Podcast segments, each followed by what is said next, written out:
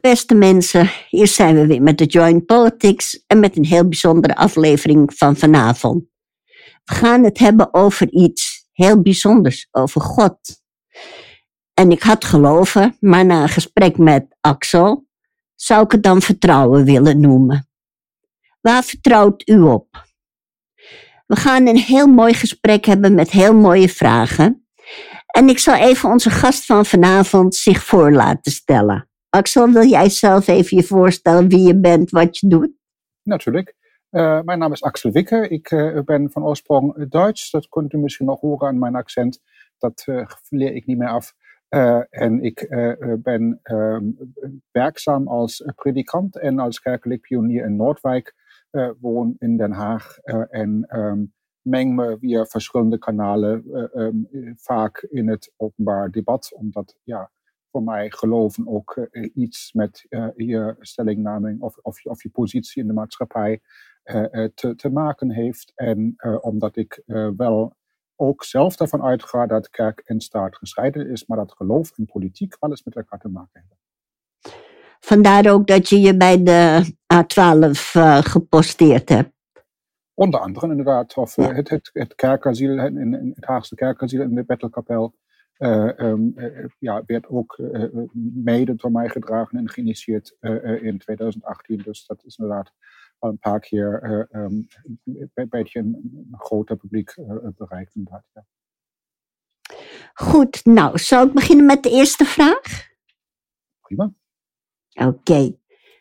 De eerste vraag is van Ryan Jasseroen en die wil wat heel leuks weten. Mm -hmm. Uh, van alle tien geboden, wat is jouw favoriete gebod en waarom? En welk, met welk gebod heb je het grootste moeite? Eerst maar je, je lievelingsgebod. Uh, oei, um, ik heb nog, de, deze vraag nog nooit gekregen en ik moet even, even, even nadenken, want ik heb daar ook nog echt nooit over nagedacht. Um, het is wel uh, um, um, misschien leuk om te vertellen uh, dat uh, ik eigenlijk een, nog een heel andere of vernieuwde relatie tot de tien geboden heb gekregen als het dus um, ja, in, in, in een andere vertaling, dat was een Duitse theoloog, die zei dat dat, dat, dat, dat zijn niet de tien ge- of verboden, maar de, de, de, de tien, nou, hoe vertaal ik dat in het Nederlands? Ja, eigenlijk uh, tien dingen die jou, die jou gegund worden. Uh, dus dus um, zo kan je het namelijk ook um, ja, an, an, anders vatten.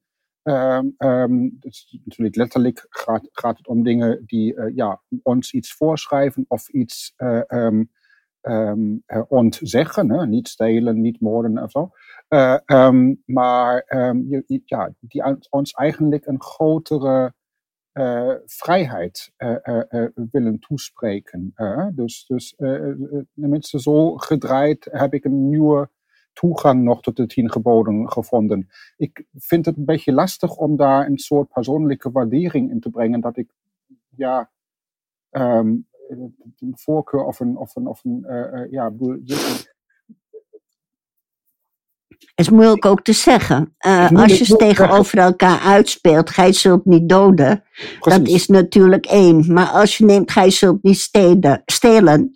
En er is hier een katholieke bisschop geweest en die zei, als je honger hebt en je Precies. pakt een brood uit een winkel, ja. dan zie ik dat niet als stelen. Dus ja, dan lost dat gebod zich ook alweer mee op natuurlijk. Precies. En ze hebben alle tien uh, een, diepe waarheid en, en ook een diepe functie tot, tot inderdaad in het, in het tussenmenselijke en in het maatschappelijke debat. Um, dus uh, ik, ik um, vind ze allemaal op de een of andere manier belangrijk en waarschijnlijk ook alle tien op, in, in sommige levenssituaties even lastig ook. Ik bedoel, um, ja, het, is natuurlijk ook een beetje, hangt ervan af hoe je in het leven staat. Uh, uh, inderdaad uh, stelen. Als je, als je dus helemaal niks hebt en honger hebt, dan, is het, dan, dan, dan ziet het er nog heel anders uit. en, maar ja, ook, ook een, een, een CEO van een oliemaatschappij steelt die niet ook gewoon van, on, van de toekomst van onze kinderen bijvoorbeeld. Um, dus um, ik, ik vind het. Um, ja, op, op, op iedereen van toepassing. en en ehm, ehm, we nemen ze ook graag behoorlijk breed, die tien geboden, omdat ik dus denk dat, dat, dat ze ons allemaal iets te zeggen hebben. Ja, ik denk dat het misschien heel letterlijk staat, maar en dat mensen er heel letterlijk ingaan, sommigen, mhm. maar dat je dat niet moet doen. Want inderdaad, wat je zegt over stelen, dan zou je ook kunnen zeggen, gij zult niet doden. Maar dat geldt dan ook de grote maatschappijen zoals Shell, die mensen in Nigeria ombrengen. Ja, precies. En, en, en ook, nog middelbaar gewoon via, via CO2-uitstoot en, en, en uh, en stijgende zeespiegels. Uh, ja, via tien schakels gewoon ook mensen schade berokkenen. Um, het, het, ja, alle, alle geboden worden volgens Jezus samengevat in het gebod van naastenliefde. Heb je naaste lief als jezelf.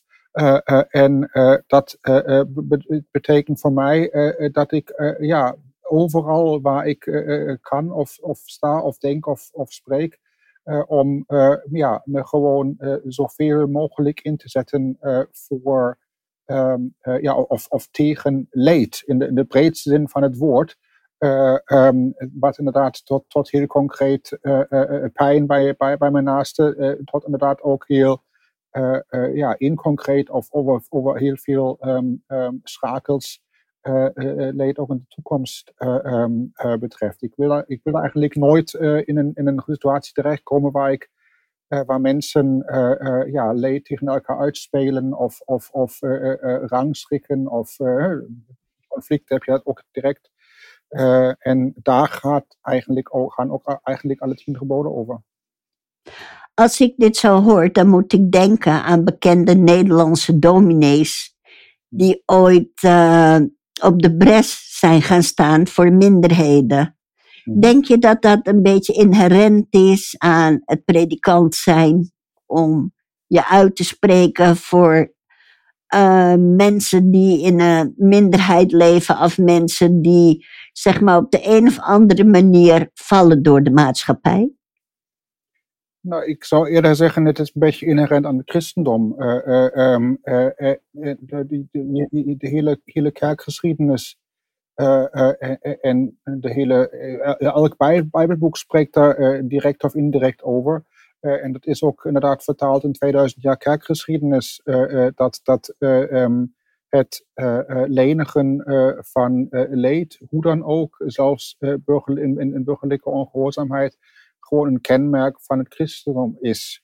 Uiteraard niet overal en niet altijd. Uh, bedoel, je hebt ook behoorlijke fases gehad um, waar dat misschien in, in, in, in, de, in, in kloosters, waar, ja, monniken of nonnen gewoon direct aan de, frontlines van, van armoedebestrijding of dergelijke stonden.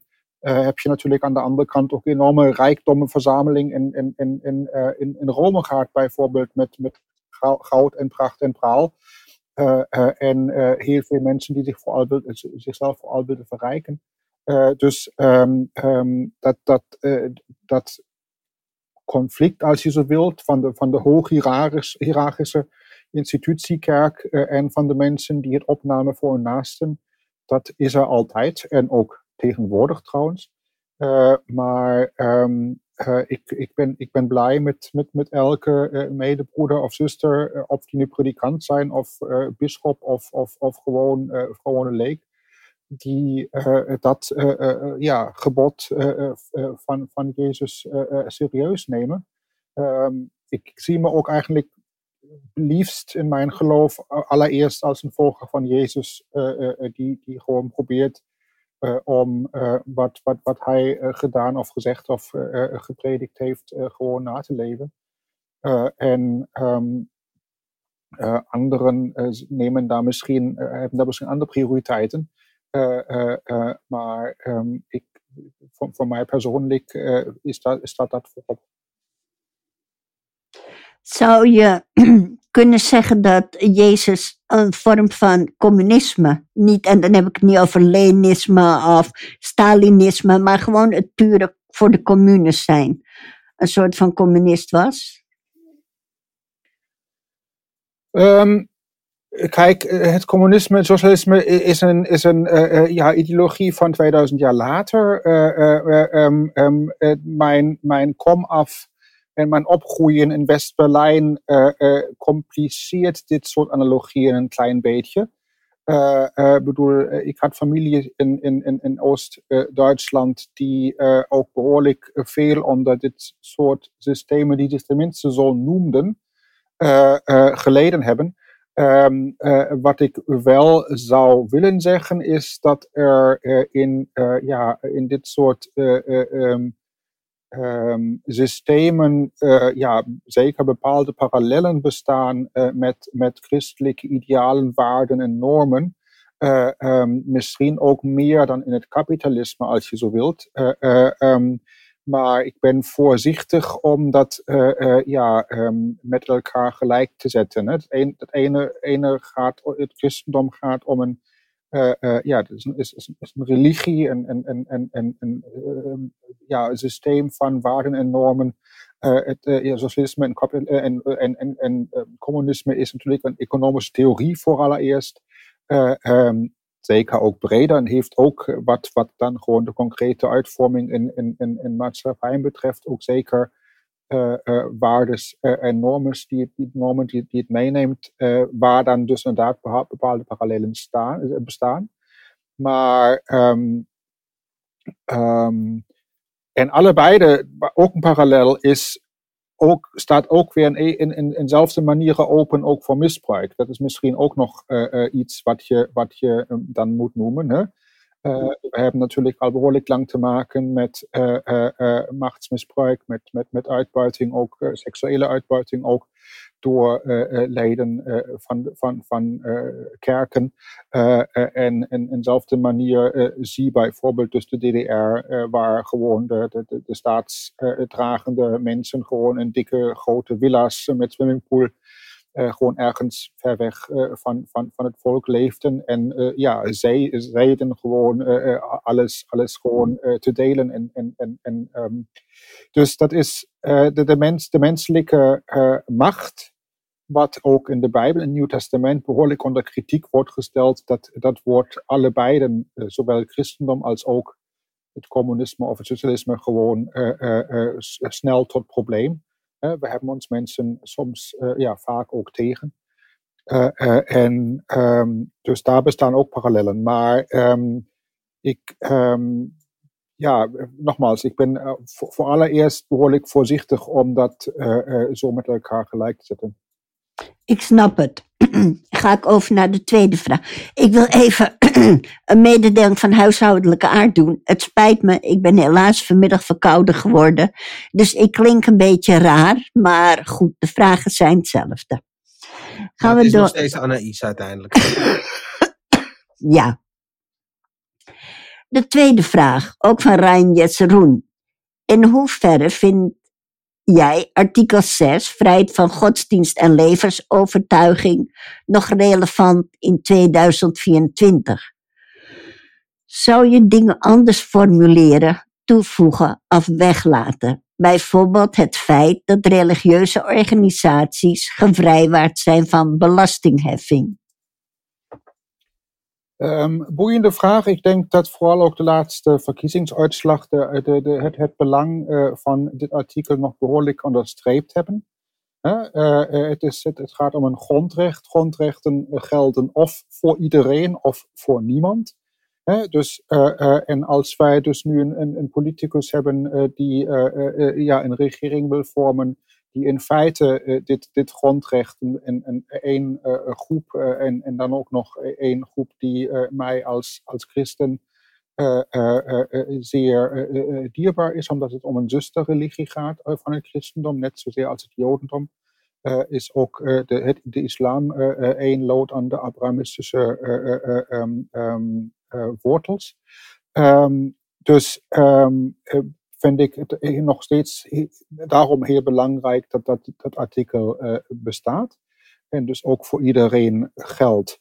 Um, um, vrijwaring van belasting. Um, daar, kijk, ik kom uit Duitsland, waar wij nog een kerkbelasting kennen, zeg maar, waarmee de, de, de kerk zich financiert. Die kerkbelasting wordt in Duitsland zelf nog door de staat geïnd.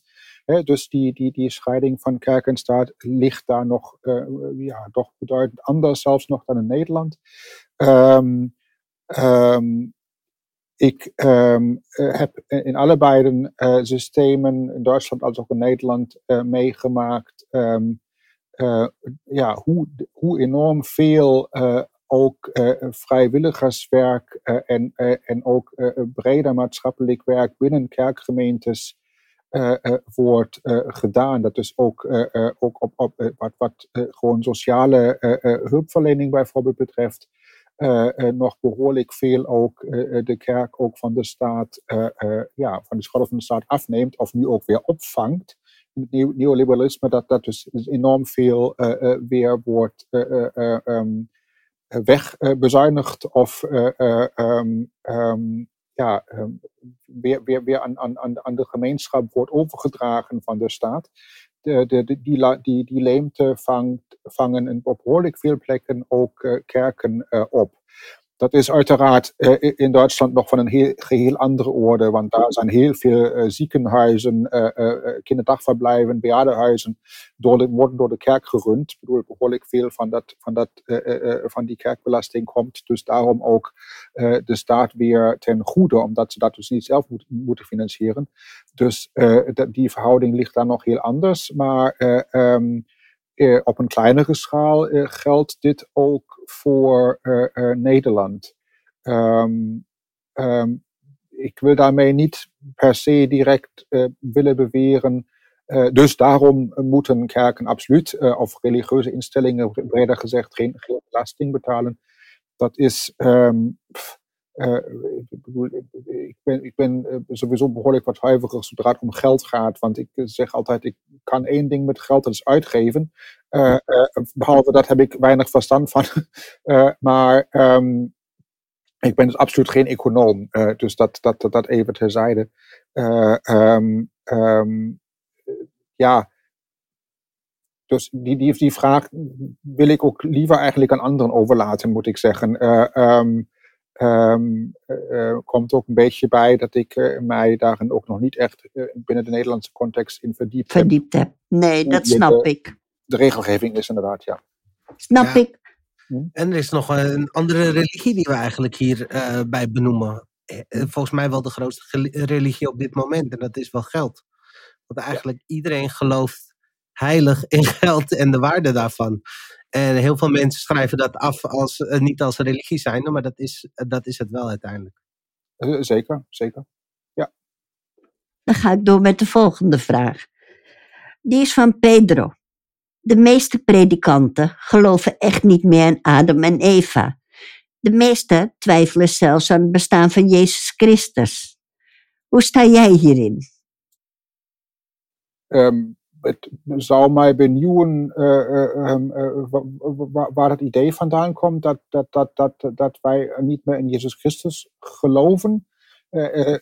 ik zou dan ook terug willen vragen, wat, wat versta je daaronder in Jezus Christus of in Adam en Eva geloven? Um, um, ik, ik, beschrijf me heel graag als, als ja, wat ook in de kerkorde zo staat, dat vind ik een mooi begrip, als dienaar van het woord, dus dienaar van de Bijbel. Uh, uh, ik heb mij in mijn studie uh, ja, heel veel in, in het ontstaan van dit boek, van, of van deze verzameling van boeken moet je eigenlijk zeggen, verdiept. en heb zelf dus een bepaalde manier om dat uit te leggen of, of om dat te interpreteren, die, die woorden die, die daar staan. Um, uh, voor mij uh, staat uh, buiten kijf. dat is ook historisch. eigenlijk wordt dat door niemand van rang en stand, ook van historici, niet ontkend. Dat iemand met, ja, die Jezus, Christus, of, Jezus van Nazareth um, geheten heeft in de eerste eeuw uh, in uh, dat Palestina van toen is rondgelopen. en daar behoorlijk voor reuring heeft gezorgd, om het even heel neutraal te zeggen. ehm, ehm, eh, wat met eh, eh, zijn eh, woorden en zijn daden eh, later daarmee dan is gebeurd. Dat is een, eh, van een tweede orde. En wie dat dan was, of dat ook een zoon van God was of zo, dat is eh, nog een derde vraag. Eh, maar eh, voor mijn eh, geloof speelt de literaire neerslag van dit leven een enorm grote rol. En heel persoonlijk, als ik de meest, de meest tastbare of ook een meest verbriefde eh, eh, eh, ehm, eh, act in, in dat leven, wat ook door eh, ehm, ehm, niet-christelijke eh, geschiedenisschrijvers is vastgelegd, is dus dat deze Jezus van Nazareth rond het jaar 30 eh, eh, gekruisigd is. En dat zo zijn beweging is ook geëindigd. Eh, ehm, eh, en, maar dat wel wij ook zien o- en ook gewoon, dat, ja, eh, dat is ook natuurlijk ook onderzocht door behoorlijk wat mensen, dat in eh, enorm luttele tijd eh, daarna eh, al een behoorlijke eh, beweging ter gedachtenis of ter herdenking van dit leven is ontstaan. En dat is behoorlijk bijzonder, want in die tijd waren regelmatig, bijna met elk, elk doken in Jeruzalem zogenoemde Messias-pretendenten. dus mensen die zichzelf als de Messias zagen of waarvan het volk zei, dit is de Messias. Eh, die doken bijna met elk Pesachfeest in Jeruzalem op. En werden allemaal, eh, eh, om het even met hedendaagse woorden te zeggen, een, heel snel door de Gemeinsbezetter uh, een, een, kop kleiner gemaakt. En al deze bewegingen, die voor een groot deel zelfs nog groter waren dan, dan die, van, die van Jezus, die, die zijn, zijn, daar is toen daarna, daarna niks meer van vernomen. Zeg maar. die, die werden op elkaar gedreven en dat was het dan. En dus uh, uh, uh, er moet wel iets gebeurd zijn na dus dat einde van dit leven, wat zo'n enorme impact heeft gehad, dat ja, bij 2000 jaar later zelfs ja, de, de grootste religie wereldwijd zich daarop beroept.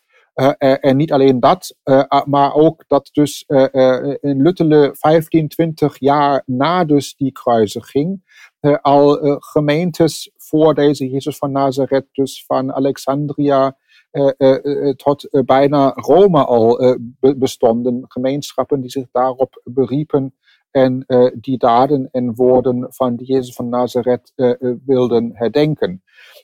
dus dat er iets bijzonder rond dit leven of rond dit levenseinde tenminste uh, moet zijn geweest, dat kunnen wij dus in die historische neerslag van dat leven uh, eigenlijk aflezen.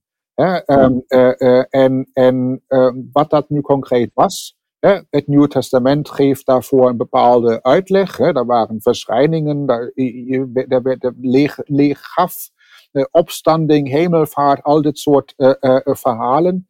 Um, uh, dat, is, dat is één uh, uitleg. Uh, um, en um, ik ja, ga voor mijzelf uit, heel persoonlijk, dat daar ook iets van waarheid in zit. en vandaar dus ook dat dit leven voor mij een behoorlijk zingevende, inspirerende waarde heeft. Uh, uh, en uh, ja, ik dus daaruit, of uit, de literaire neerslag van dit leven, ja, dagelijks ja, voor mijn leven en voor dat wat ik uit wil dragen, put. Ja, er kwam vroeger bij ons thuis kwam een priester, die was theoloog. En we hebben het heel vaak over het leven van Jezus van Nazareth gehad. En dan zei hij ook, dat was een rebel.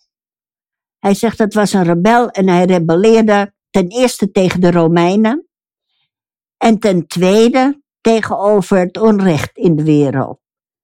En dat vond ik altijd zo mooi klinken, het onrecht in de wereld. En ik denk misschien, als je het leven van Jezus dan zou nemen, als je katholiek bent of christelijk en je gelooft daarin, dat je daar dus een leidraad in kunt zien voor je verdere leven om te handelen naar zijn inzicht en mening. Zeker, ja. ja. Nee, dat, dat, dat is, is, is mooi, mooi uitgedrukt. Hij, hij, hij rebelleerde, uh, maar hij stond ook wel voor iets. Dat, dat wil ik daar wel nog daarbij zeggen. Uh, absoluut uh, ja, kon hij niet tegen onrecht of heeft hij zich ingezet voor mensen die gemarginaliseerd waren. Ook in, in, op behoorlijk buitengewone manier. Hij heeft ook de sociale normen van die tijd zij tegenover vrouwen bijvoorbeeld, of tegenover uh, uh, zieken, melaatsen, tegen, ook tegenover mensen die met de bezetter collaboreerden trouwens, hè, met die tollenaars en zo. Maar ook mensen die de, die de, die de, die de zijden niet zo, na, die, niet zo hoog hielden, zoals dus prostituees bijvoorbeeld. Uh, daar heeft hij zich voor ingezet. Uh, uh, maar heeft, wat, hij, wat hij vooral ook gepreekt heeft, heeft natuurlijk ook te maken met wat hij dan het hemelrijk van God noemde, of het koninkrijk van God. dus hij stond ook voor iets. en, en dat was ja, een, een, een thema wat telkens weer terugkwam bij hem. waar hij gelijkenissen en parabels over vertelde, verhalen waar, waar het dan op lijkt, of of dat nu ver weg is of direct ook in, al in ons leeft. Ik bedoel, eh, dat het eh, ook behoorlijk mystiek. Dus het is ook, ja, ook, ook nog steeds natuurlijk mooi om, om, om daarover na te denken wat hij eigenlijk bedoelde. Um, maar um, um, ja, het heeft, het heeft in heel veel contexten heeft het ook absoluut ook een, een morele zeggingskracht. ja, tot, tot dus vandaag de dag. Dat mensen zich daardoor geïnspireerd voelen om uh, zich uh, ja, vandaag de dag nog voor anderen in te zetten. Ja. Uh, je had het net over vrouwen.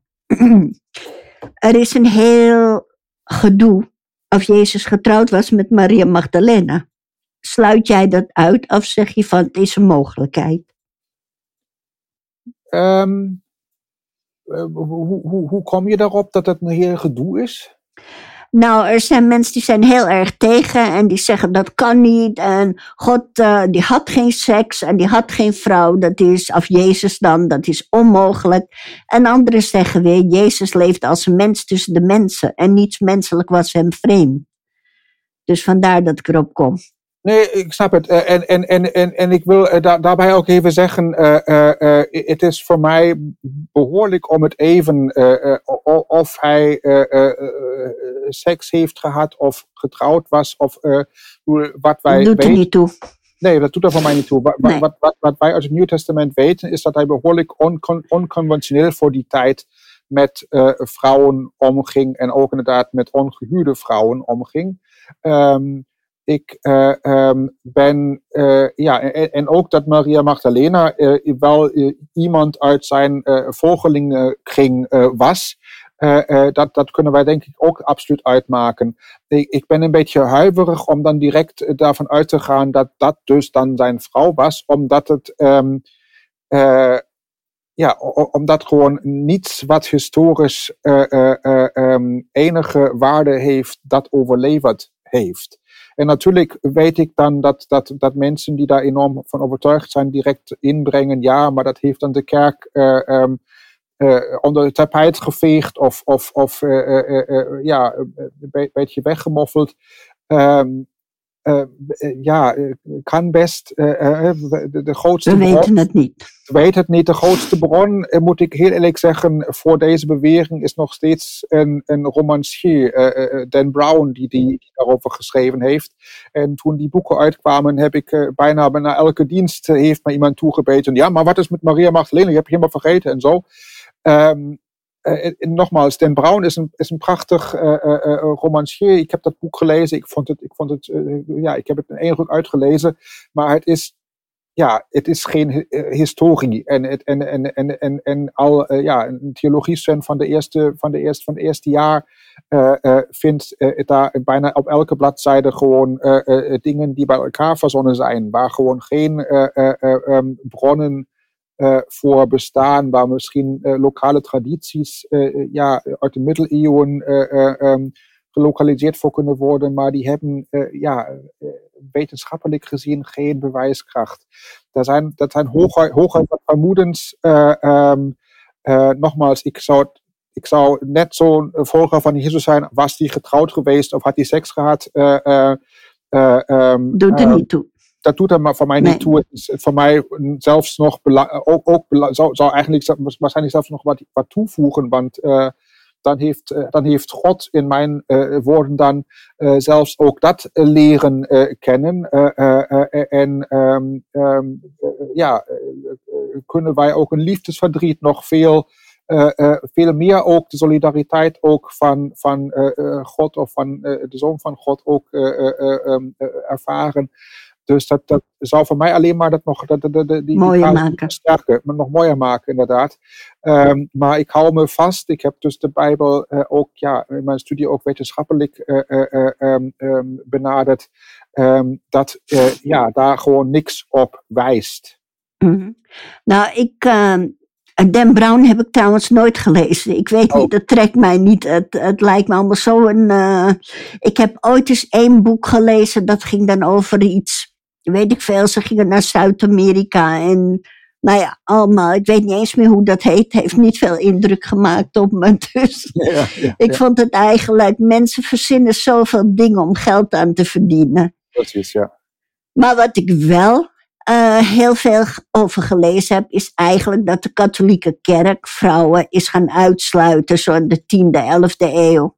En dat ze toen uitgesloten zijn geworden van de ambten zoals kardinaal of priester. En dat het meer met machisme te maken had dan met het geloof zelf. Absoluut. Nee, daar, daar, daar heb je uh, helemaal gelijk. Dat gebeurde zelfs nog veel eerder. Dat is zelfs al in de Bijbel, zeg maar, uh, kan je dat nalezen. Je hebt, je hebt, dat zal misschien sommigen verbazen wat ik nu zeg, maar je hebt twee personen die behoorlijk onconventioneel vrouwenvriendelijk waren in het Nieuw Testament. Dat waren Jezus en Paulus. En zeg je, wat? Paulus, die heeft toch uh, geschreven, uh, de, de, vrouwen moeten zwijgen in de gemeente en dit soort dingen. Hij heeft inderdaad, of in, moet ik zeggen, in, in, in, in zijn brieven staan inderdaad twee, drie citaten die elke keer weer terugkomen in deze discussie. Um, die ja, linea recta vrouwen onvriendelijk zijn of vrouwen onderdrukkend zijn maar die volgens de bronnen, de bronteksten van het Nieuw Testament, zeer waarschijnlijk tenminste niet van hem zijn. Die, uh, die, die, beroemde, die beroemde zin uh, 1 Korinther 14, dat vrouwen zwijgen, moeten zwijgen in de gemeente, is heel waarschijnlijk in, in, in, in een heel vroegere fase, dat, dat dus de teksten van 1 Korinther 14 gekopieerd werden, als een soort protesterend commentaar van diegene die het, die die het kopieerde. Uh, in, in, in de kantlijn geschreven. Maar wacht even, vrouw moet toch fijn. Want die tekst, als je de tekst leest, past helemaal niet in de, lijn, in de lijn van de tekst. En dat is dus bij een volgende afschrijving weer in die tekst geschoven, zeg maar.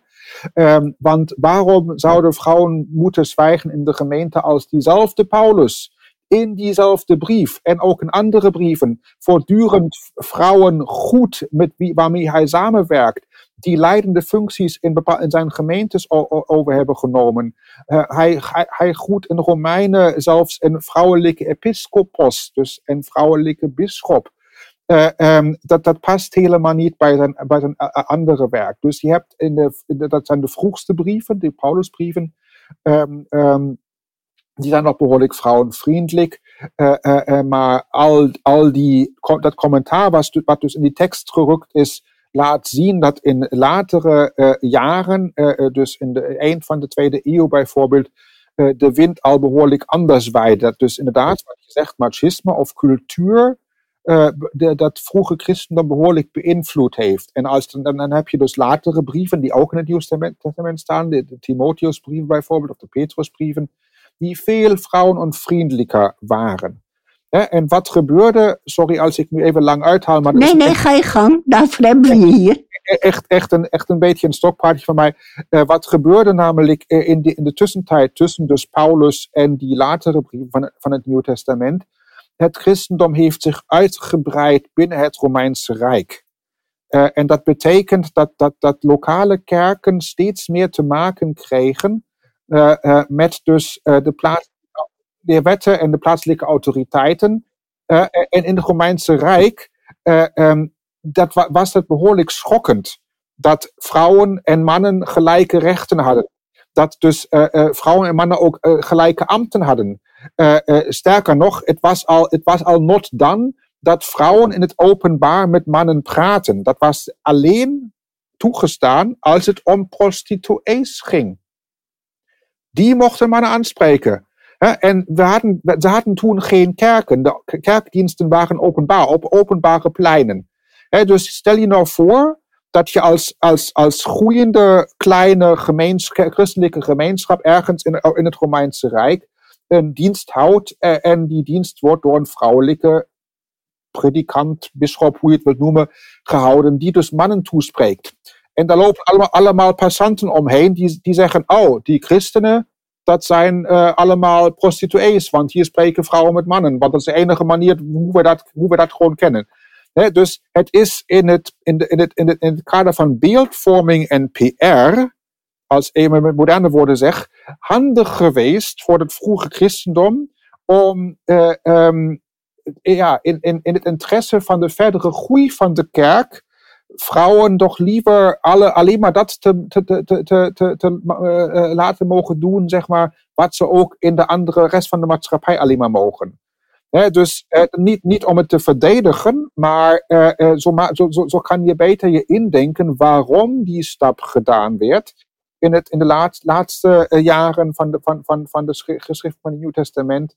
Uh, werd dus vandaar, uh, um, ja, om het even zo te zeggen, de vrouw achter het aanrecht teruggedrongen, zo ongeveer. Um, terwijl ja, eigenlijk de, de, de grondleggers van het christendom, Jezus en Paulus, daar heel erg anders in stonden. Ze moesten eigenlijk integreren omdat ze anders niet ja. konden functioneren. Of niet verder ja, konden groeien, vooral inderdaad. Ja. Ja, ja klopt. Interessant. Uh, trouwens, het lijkt wel 2 van 12. Ik ben even teruggekomen. Ik weet nu weer welk boek ik ooit begonnen ben. De Celestijnse Belofte. Ja, ja, ja, ja bekend. Ja, ja, ja daar, daar, dat was ook zo. Inderdaad, daar speelt Maria Magdala ook een behoorlijk uh, grote rol, ja. Het enige wat ik wel.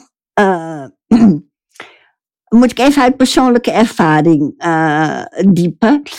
Ik ben ooit in Mexico geweest en daar heb ik op de Tempel van de Maan gestaan, helemaal bovenin. Mhm. En ik keek uit over het landschap. En plots had ik een gevoel dat er geen vandaag, geen morgen en geen gisteren bestond. Alles was één. Is dat een soort van gelovige euforie?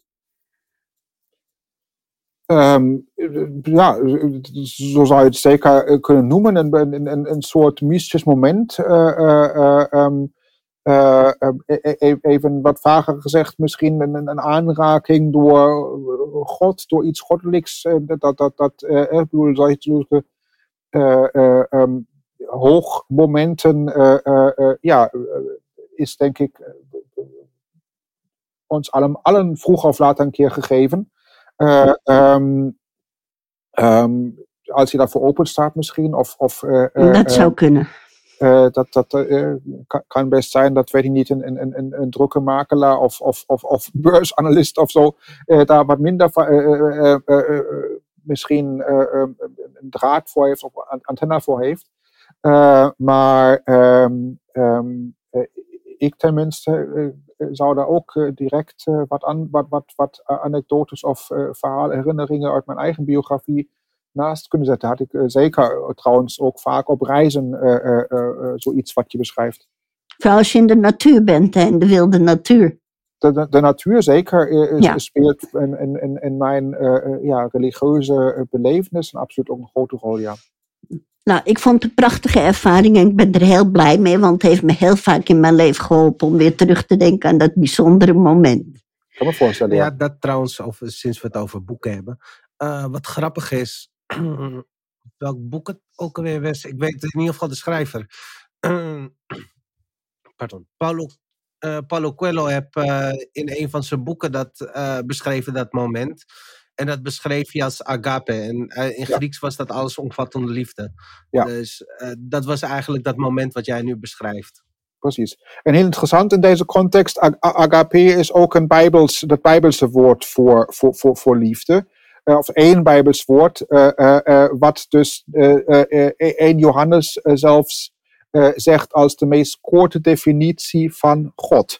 God is liefde, is, is, is de, ja, de, de, de meest, meest kernachtige Bijbelse definitie van, van, van God. En dat is voor mij ook zeker een, een heel belangrijk vers.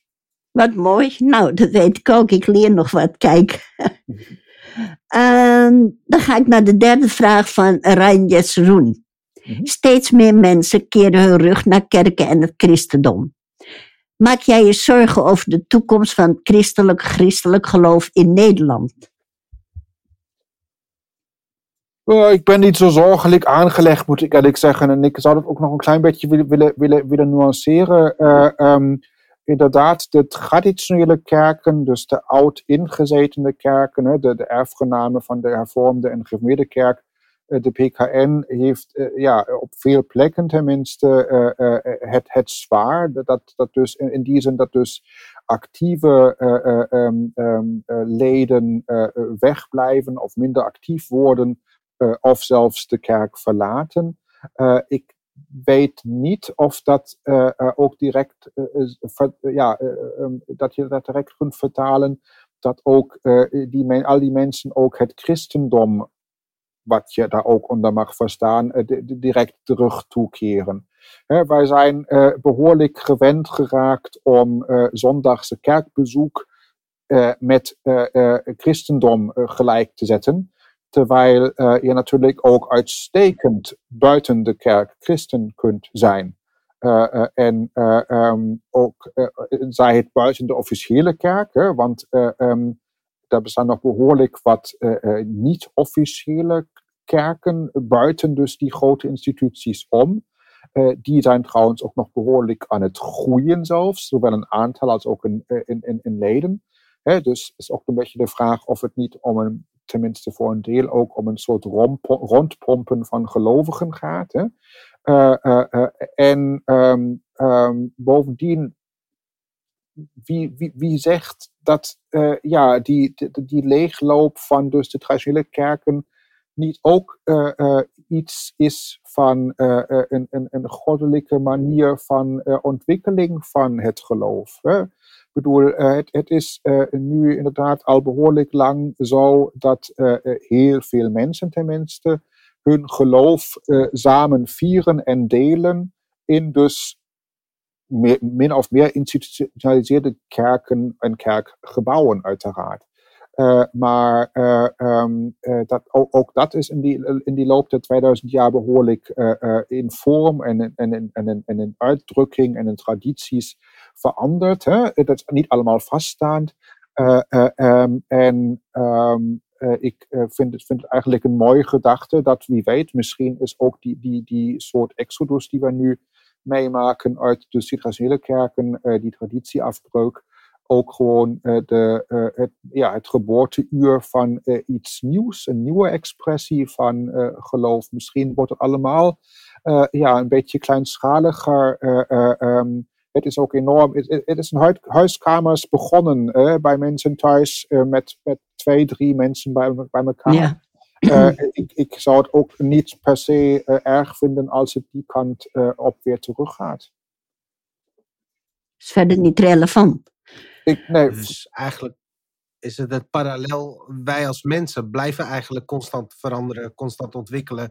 Sociale normen verschuiven steeds. En eigenlijk is dat ook parallel aan geloof te binden, omdat uiteindelijk de mens gelooft. En eh, is dit een heel normaal proces eigenlijk in jouw ogen? Um, ja, tenminste, zo zou ik het eigenlijk willen zien. Ik, ben, nogmaals, ik ben niet zo paniekerig aangelegd uh, en, en, en, en ik neem de dingen ook zo'n beetje als ze komen. Toen, toen ik in, in, in 2004, 2005 over nadacht om dus van, van de Duitse kerk naar Nederland te immigreren, hebben mij behoorlijk wat Duitse collega's opgebeld en daarvoor behoorlijk gewaarschuwd. Want dat, de, de, Nederlandse kerk is al, is al veel sterker aan het leeglopen dan, dan wij hier. Die zijn zeg maar uh, wat secularisatie betreft 10, 20 jaar on, on, ja, ons voorland eigenlijk.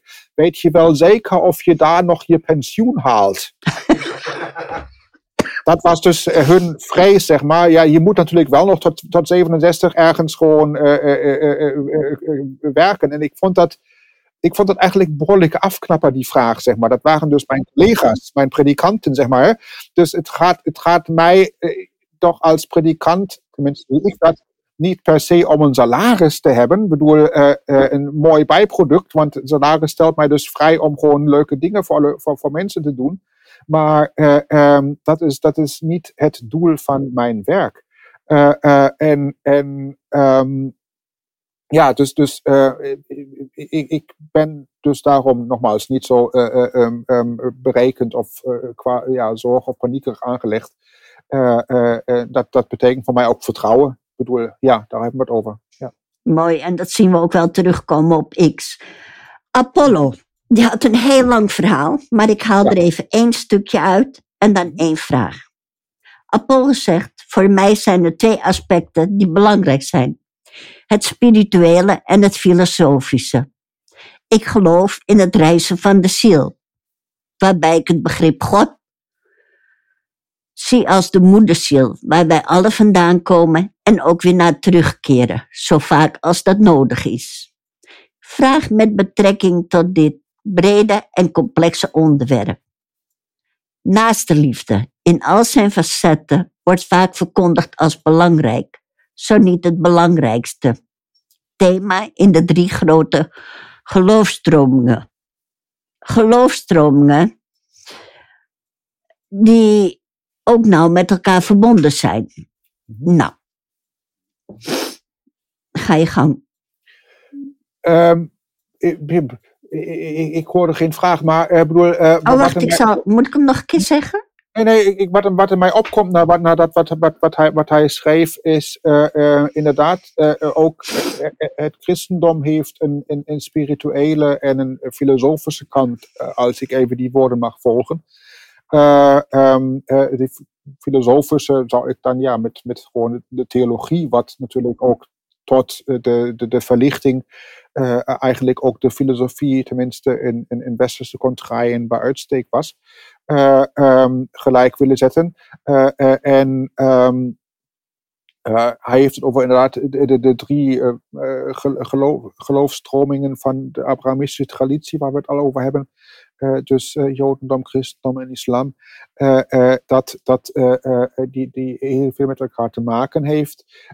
Um, wat wel volgens al deze drie grote geloofstromingen uh, um, uh, consens is, is dat zoiets als um, wedergeboorte, het reizen van de ziel, zegt hij, dat dat geen onderdeel daarvan uitmaakt. Ik ben zelf in mijn studietijd heel erg veel door Azië en Oost-Azië gereisd.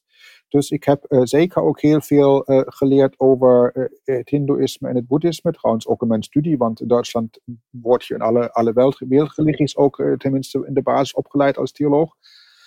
Um, dus ik, ik, ik kan dat in, in, die contexten plaatsen. En hij had daar ook enorm inspirerende gesprekken en discussies met monniken en, en, en, en pandits en, en, en ja, beoefenaars van Hindoeïsme of Boeddhisme.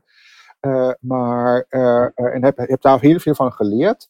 Ehm, maar um, ja, kan daar zelf dus vanuit mijn eigen traditie, waarin ik, waar, waar, waar ik in ben opgeleid, niet meegaan. Voor mij is het um, persoonlijk belangrijk uh, dat uh, er een één eeuwig leven is in die zin. Dat, wat, dan eeuwig betekent, dat zou ik ook als, eerder als volwaardig, als, als, als volkomen misschien ook kunnen vertalen. Dus het is niet alleen maar iets van, van tijd of van kwantiteit, maar ook van kwaliteit.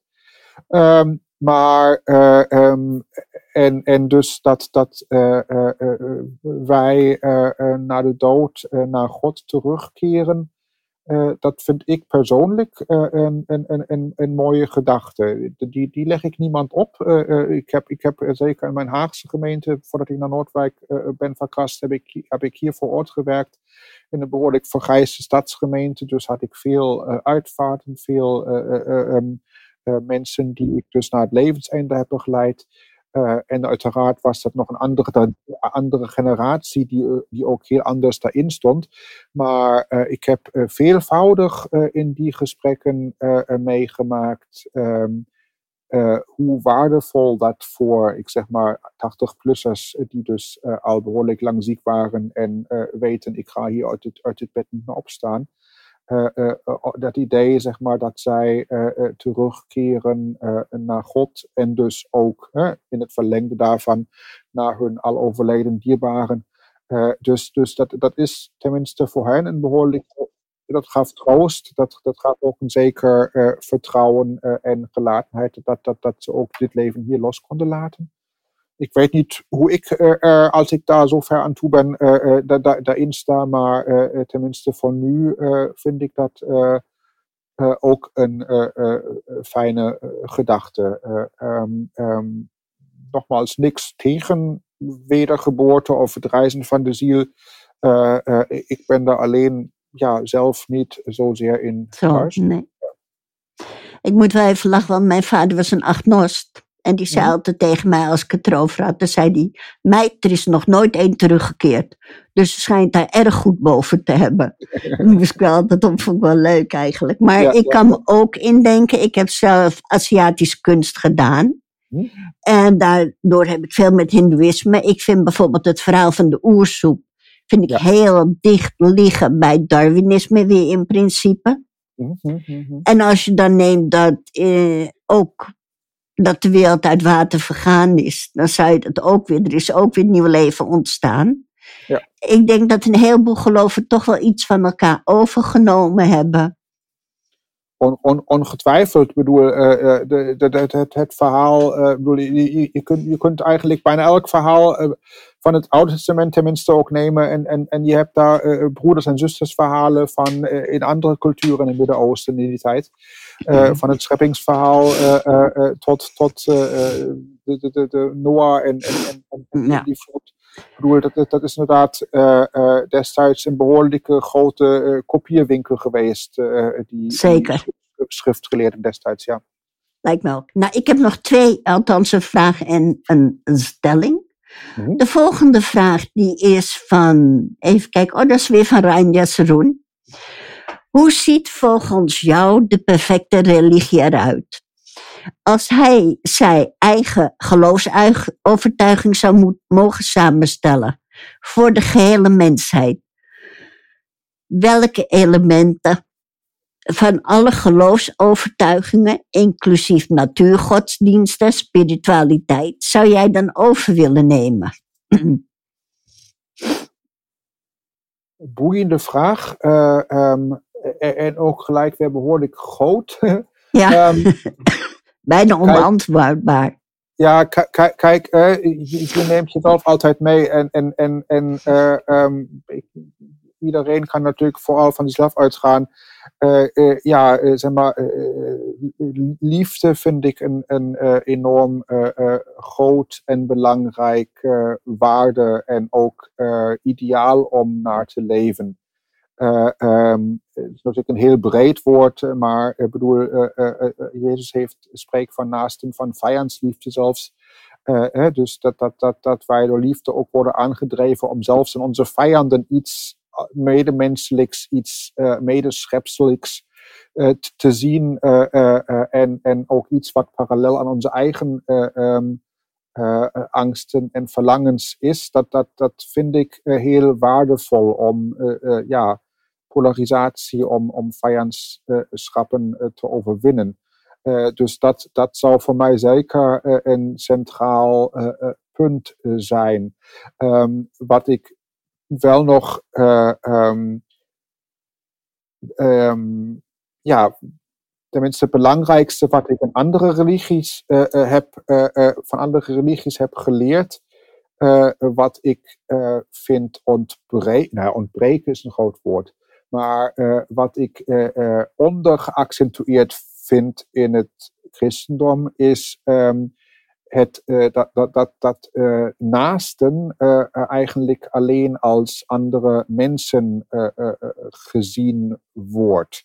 Hè? Dus, dus de, de, de, de, aan, aan andere woorden gezegd dat de mens de kroon der schepping is. Dat is natuurlijk ook een woord wat uit het scheppingsverhaal zelf, zelf vandaan komt. Hè? En dat er heel veel uh, teksten in de Bijbel staan, dus dat, dat, dat, dat die, die, die, ons, ons mensen een soort uitzonderingspositie boven de schepping, boven de natuur uh, uh, geven. Dat zie ik toch inmiddels als ja, behoorlijk kritisch. Natuurlijk zeker in het kader van de klimaat, klimaatcrisis. Want volgens mijn van overtuiging is die daarmee begonnen. Dat, dus dat de mens zichzelf als een, ja, een soort heerser over de natuur ziet. En dus ook niet meer onderdeel van de natuur is en deze dus ook daarom niet meer moet beschermen, maar als uh, ja, uit, uh, uitbuitbaar ressourcenwinkel kan zien. Um, dus die hele kolonialistische gedachte, of ik bedoel, dat is natuurlijk een controvers woord, maar dat, dat vind, zie, zie ik ook hierin als idee toch terug. Uh, en uh, ik moet dan altijd als, aan een, uh, reisverhaal denken, als ik het even, mag in, inbreien hier. Um, ik ben in mijn studie een keer door een gebied in Noord-Laos gewandeld, dus met een, met een Amerikaanse reisgenoot daar een paar dagen de jungle ingetrokken en op een, op een heel afgelegen gebied um, kwamen wij ergens uh, in een heel klein dorp, uh, bergdorp van de oorspronkelijke oerbevolking van een of andere hill tribe daar aan. En volgens onze reisgids, dat, dat, dat boek wat wij bij ons hadden, zou daar een heel kleine ja, onderkomen kunnen zijn waar wij dus de nacht zouden door kunnen brengen. Ja, daar, daar was dus maar iets van uh, drie bungalows ergens in een, in in in een uh, tuin van iemand. Uh, daar zou, zouden we dus kunnen slapen. Um, en wij, wij klopten dan dus op de deur en dat deed dus iemand open, duidelijk van dus een van die mensen uit, uit dus die, die Hill Tribe. die alleen maar heel gebrekkig Engels sprak, een paar woorden maar. en die maakte ons duidelijk uh, dat zij vol zitten. Uh, uh, en ik zag inderdaad ook bij twee van die drie bungalows, zag ik al een handdoek hangen of lichtbanden en zo. Maar er was eentje tegen de, tegen de, tegen het oerbos daar aangebouwd, waar die, die donker bleek en die mij leeg bleek te zijn. Dus ik vroeg voor de zekerheid, want ik wilde ergens slapen, ik was moe. maar is, is, die, is, die, is die ook vol? Um, en ze zei, dat zal ik nooit vergeten, um, no, no, this is also full, there are snake persons living there. En wij kijken elkaar aan, uh, slangenmensen, waar heeft zij het nu over? Um, uh, ik had zo, er zo flitsen van science fiction, uh, zeg maar, um, fantasyfiguren. waar ben ik nu beland, zeg maar. Um, maar ze zei vervolgens, maar jullie kunnen ook jullie hangmatten tussen deze boompersonen hangen. Boompersonen. En toen ging mij een beetje licht op. Wacht even. Hill Tribe, misschien is in hun lokale taal, en dat bleek echt waar te zijn, alles wat niet menselijk is, zijn ook personen, maar dus dan slangenpersonen of boompersonen. En dat vond ik dat, ik heb de hele nacht wakker gelegen daarover nagedacht, omdat ik dat zo geniaal vond. Uh, want, want, want, want ja, zodra wij tegen andere uh, um, levens in de natuur als medepersonen, als niet-menselijke medepersonen aankijken, staan we daar heel anders tegenover ook. Dan is het veel, veel meer op, op, op gelijke ooghoogte. en um, um, ik, ik denk werkelijk dat, dat, dat wij dan geen ecologische crisis zouden hebben. He, dus daar heb ik heel, daar heb ik heel veel van geleerd. En dit, dit soort denken, uh, ik word af en toe gevraagd om groene, uh, groene preken te houden, uh, scheppingszondag en zo. en, en dat is dan meestal bedoeld natuurlijk om, om, om de kerkgangers nog ietsje van hoop of ietsje van te geven, zeg maar, in, in, in ook de crisis waar we zitten. En, en dat lukt mij eigenlijk steeds minder goed. Mijn vader was klimaatwetenschapper. Ik weet er echt uh, toch een beetje van, beetje van hoe, hoe, hoe, hoe erg het al gesteld is, zeg maar, uh, om, om natuur en klimaat. maar met, met zo'n verhaal vind ik nog steeds een, een, een, bruggetje, zeg maar. Hè? In, die, in die zin, die, die, die beroemde uitspraak, tenminste, het wordt hem toegeschreven van Luther, dat ook als ik zou weten dat morgen de wereld vergaat, ik zou vandaag nog een appelboom planten. Een appelboompersoon dan. Hè? Maar, dus, dus uh, dat, dat um, ja, daar loont het zich ook nog op de laatste dag voor te vechten, ook al gaan wij als mensen. Hoe dan ook, ja. Ja, precies. Ja, het doet me wel wat denken aan de natives in Paraguay, de Guarani. Die mhm. zeggen dus van, ja, alles zit een ziel. Overal zit een ziel in. Een steen zit een ziel in. Of een rivier heeft een ziel. Alles heeft een ziel. Het is een mooie gedachte. Ik vind het zelf moeilijk, maar het is een mooie gedachte. Ja, precies. Ja. Mhm. Goed, ik kom bij het laatste. Mhm. Oh, even kijken, waar zit het hier? Doña Dulcinea. Religie dient de mens om houvast te hebben in een wereld die ongrijpbaar is in al haar verschijningsvormen. De nietigheid van de mens, het wisselen van de jaargetijden en menig natuurverschijnsel staat hierin centraal. Zeker in tijden voor de communicatiemiddelen die we nu hebben.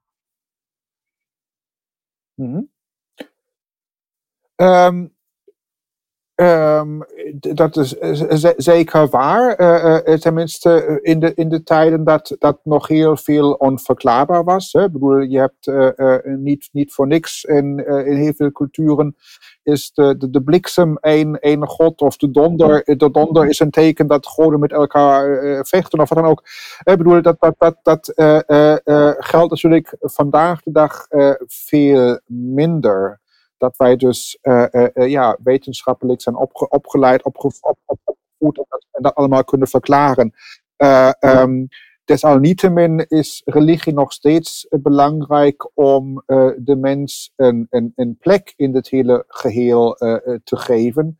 En met plek bedoel ik niet alleen maar gewoon lokaal, gewoon dat, dat, we, dat wij ons kunnen verhouden tot de rest maar ook uh, in, in, in, in, in, in, in zin, in, in, diepere betekenis, in de, de, ja, de, de grote vragen. Hè? Waar komen we vandaan? Wat is de zin van het leven? Waar gaan wij naartoe? Um, dat is, heeft ook alles maar te maken met een, een plek. Hè? Um, um, ik denk trouwens niet dat religie daar de enige, het enige is wat daarop kan antwoorden dat, uh, dat, dat kunnen, ook, kunnen ook andere uh, um, um, uh, dingen de mens geven. Maar voor mij, mijzelf, mij persoonlijk, is dat ja, het antwoord ge, ge, gewezen wat ik daarop geef. en um, wat, wat mij dus ook draagt in het dagelijkse leven. En waarom ik ja, s ochtends uit bed kom, om zo maar te zeggen. Mooi. We zijn aan het einde gekomen van de uitzending. Yes, yes. Ik, ik vond het laatste ook nog interessant, omdat ja, ik, ik heb dan bijvoorbeeld ook van psychologie gehoord dat wij eigenlijk, wat wij waarnemen als realiteit, is eigenlijk maar wat ons brein kan absorberen, omdat de realiteit eigenlijk zo complex is. En mhm. daar een plek in geven, dat zijn inderdaad meerdere wegen en meerdere middelen. Eh, mhm om, om daar een betekenis aan te geven of voor jezelf op een rijtje te zetten. Dus dat vond ik heel erg mooi om dit perspectief mhm. ook te horen. Ja, nee, maar het, het is eh, eh, ook, ook absoluut uh, waar en ook, ook, ook, ook belangrijk. In, in, in Duitsland theologie heeft ook veel ja, psychologie geïntegreerd. En, en, en zeker natuurlijk als het dan concreet gaat om hoe, hoe je hulp verleent, hoe je met mensen praat. Maar ook los daarvan. En, en, en het is uh, inderdaad, uh, ik, heb, een keer in een museum of zo, was, waar, waren er gewoon ruimtes, zeg maar, dat je dus kunt waarnemen hoe een hond bijvoorbeeld de, omge de, wereld ziet en, en waarneemt of zo. Hè? Of, of, of een bij of zo. Dat, dat is ook gewoon ja, enorm, enorm um, verruimend, verruimde ervaring was dat, zeg maar. En dat, dat je ook inderdaad ziet uh, hoe uh, specifiek en, en, en begrensd ook eigenlijk onze waarneming is. En dat um, inderdaad, fijne opmerking inderdaad nog, dat, dat, dat ook dat absoluut te maken heeft met ons een plek geven in het geheel. Ja. Prachtig. Axel, ik luisterde en ik leerde. Fijn. Ik vond het een hele mooie aflevering. En ik wil je heel erg bedanken dat je ons gast was. Dat je de tijd voor uitgetrokken hebt. Heel graag gedaan. Dank voor het gesprek. Beste mensen, dit was de Joint Politics met 9G Music en Anaïs Cortes Reina. Ik heb zelf erg genoten van vanavond. Het was geen politiek. Het was een onderwerp wat ons allemaal aangaat, wat geen kleur of richting heeft, wel een richting, maar wat ons een goede richting wil geven. En ik vond het heel interessant om ook te horen hoe verschillende religies omgaan met verschillende onderwerpen. Ik wil jullie bedanken voor de vragen. Ik wil jullie bedanken voor de aandacht. En ik zou zeggen tot volgende keer.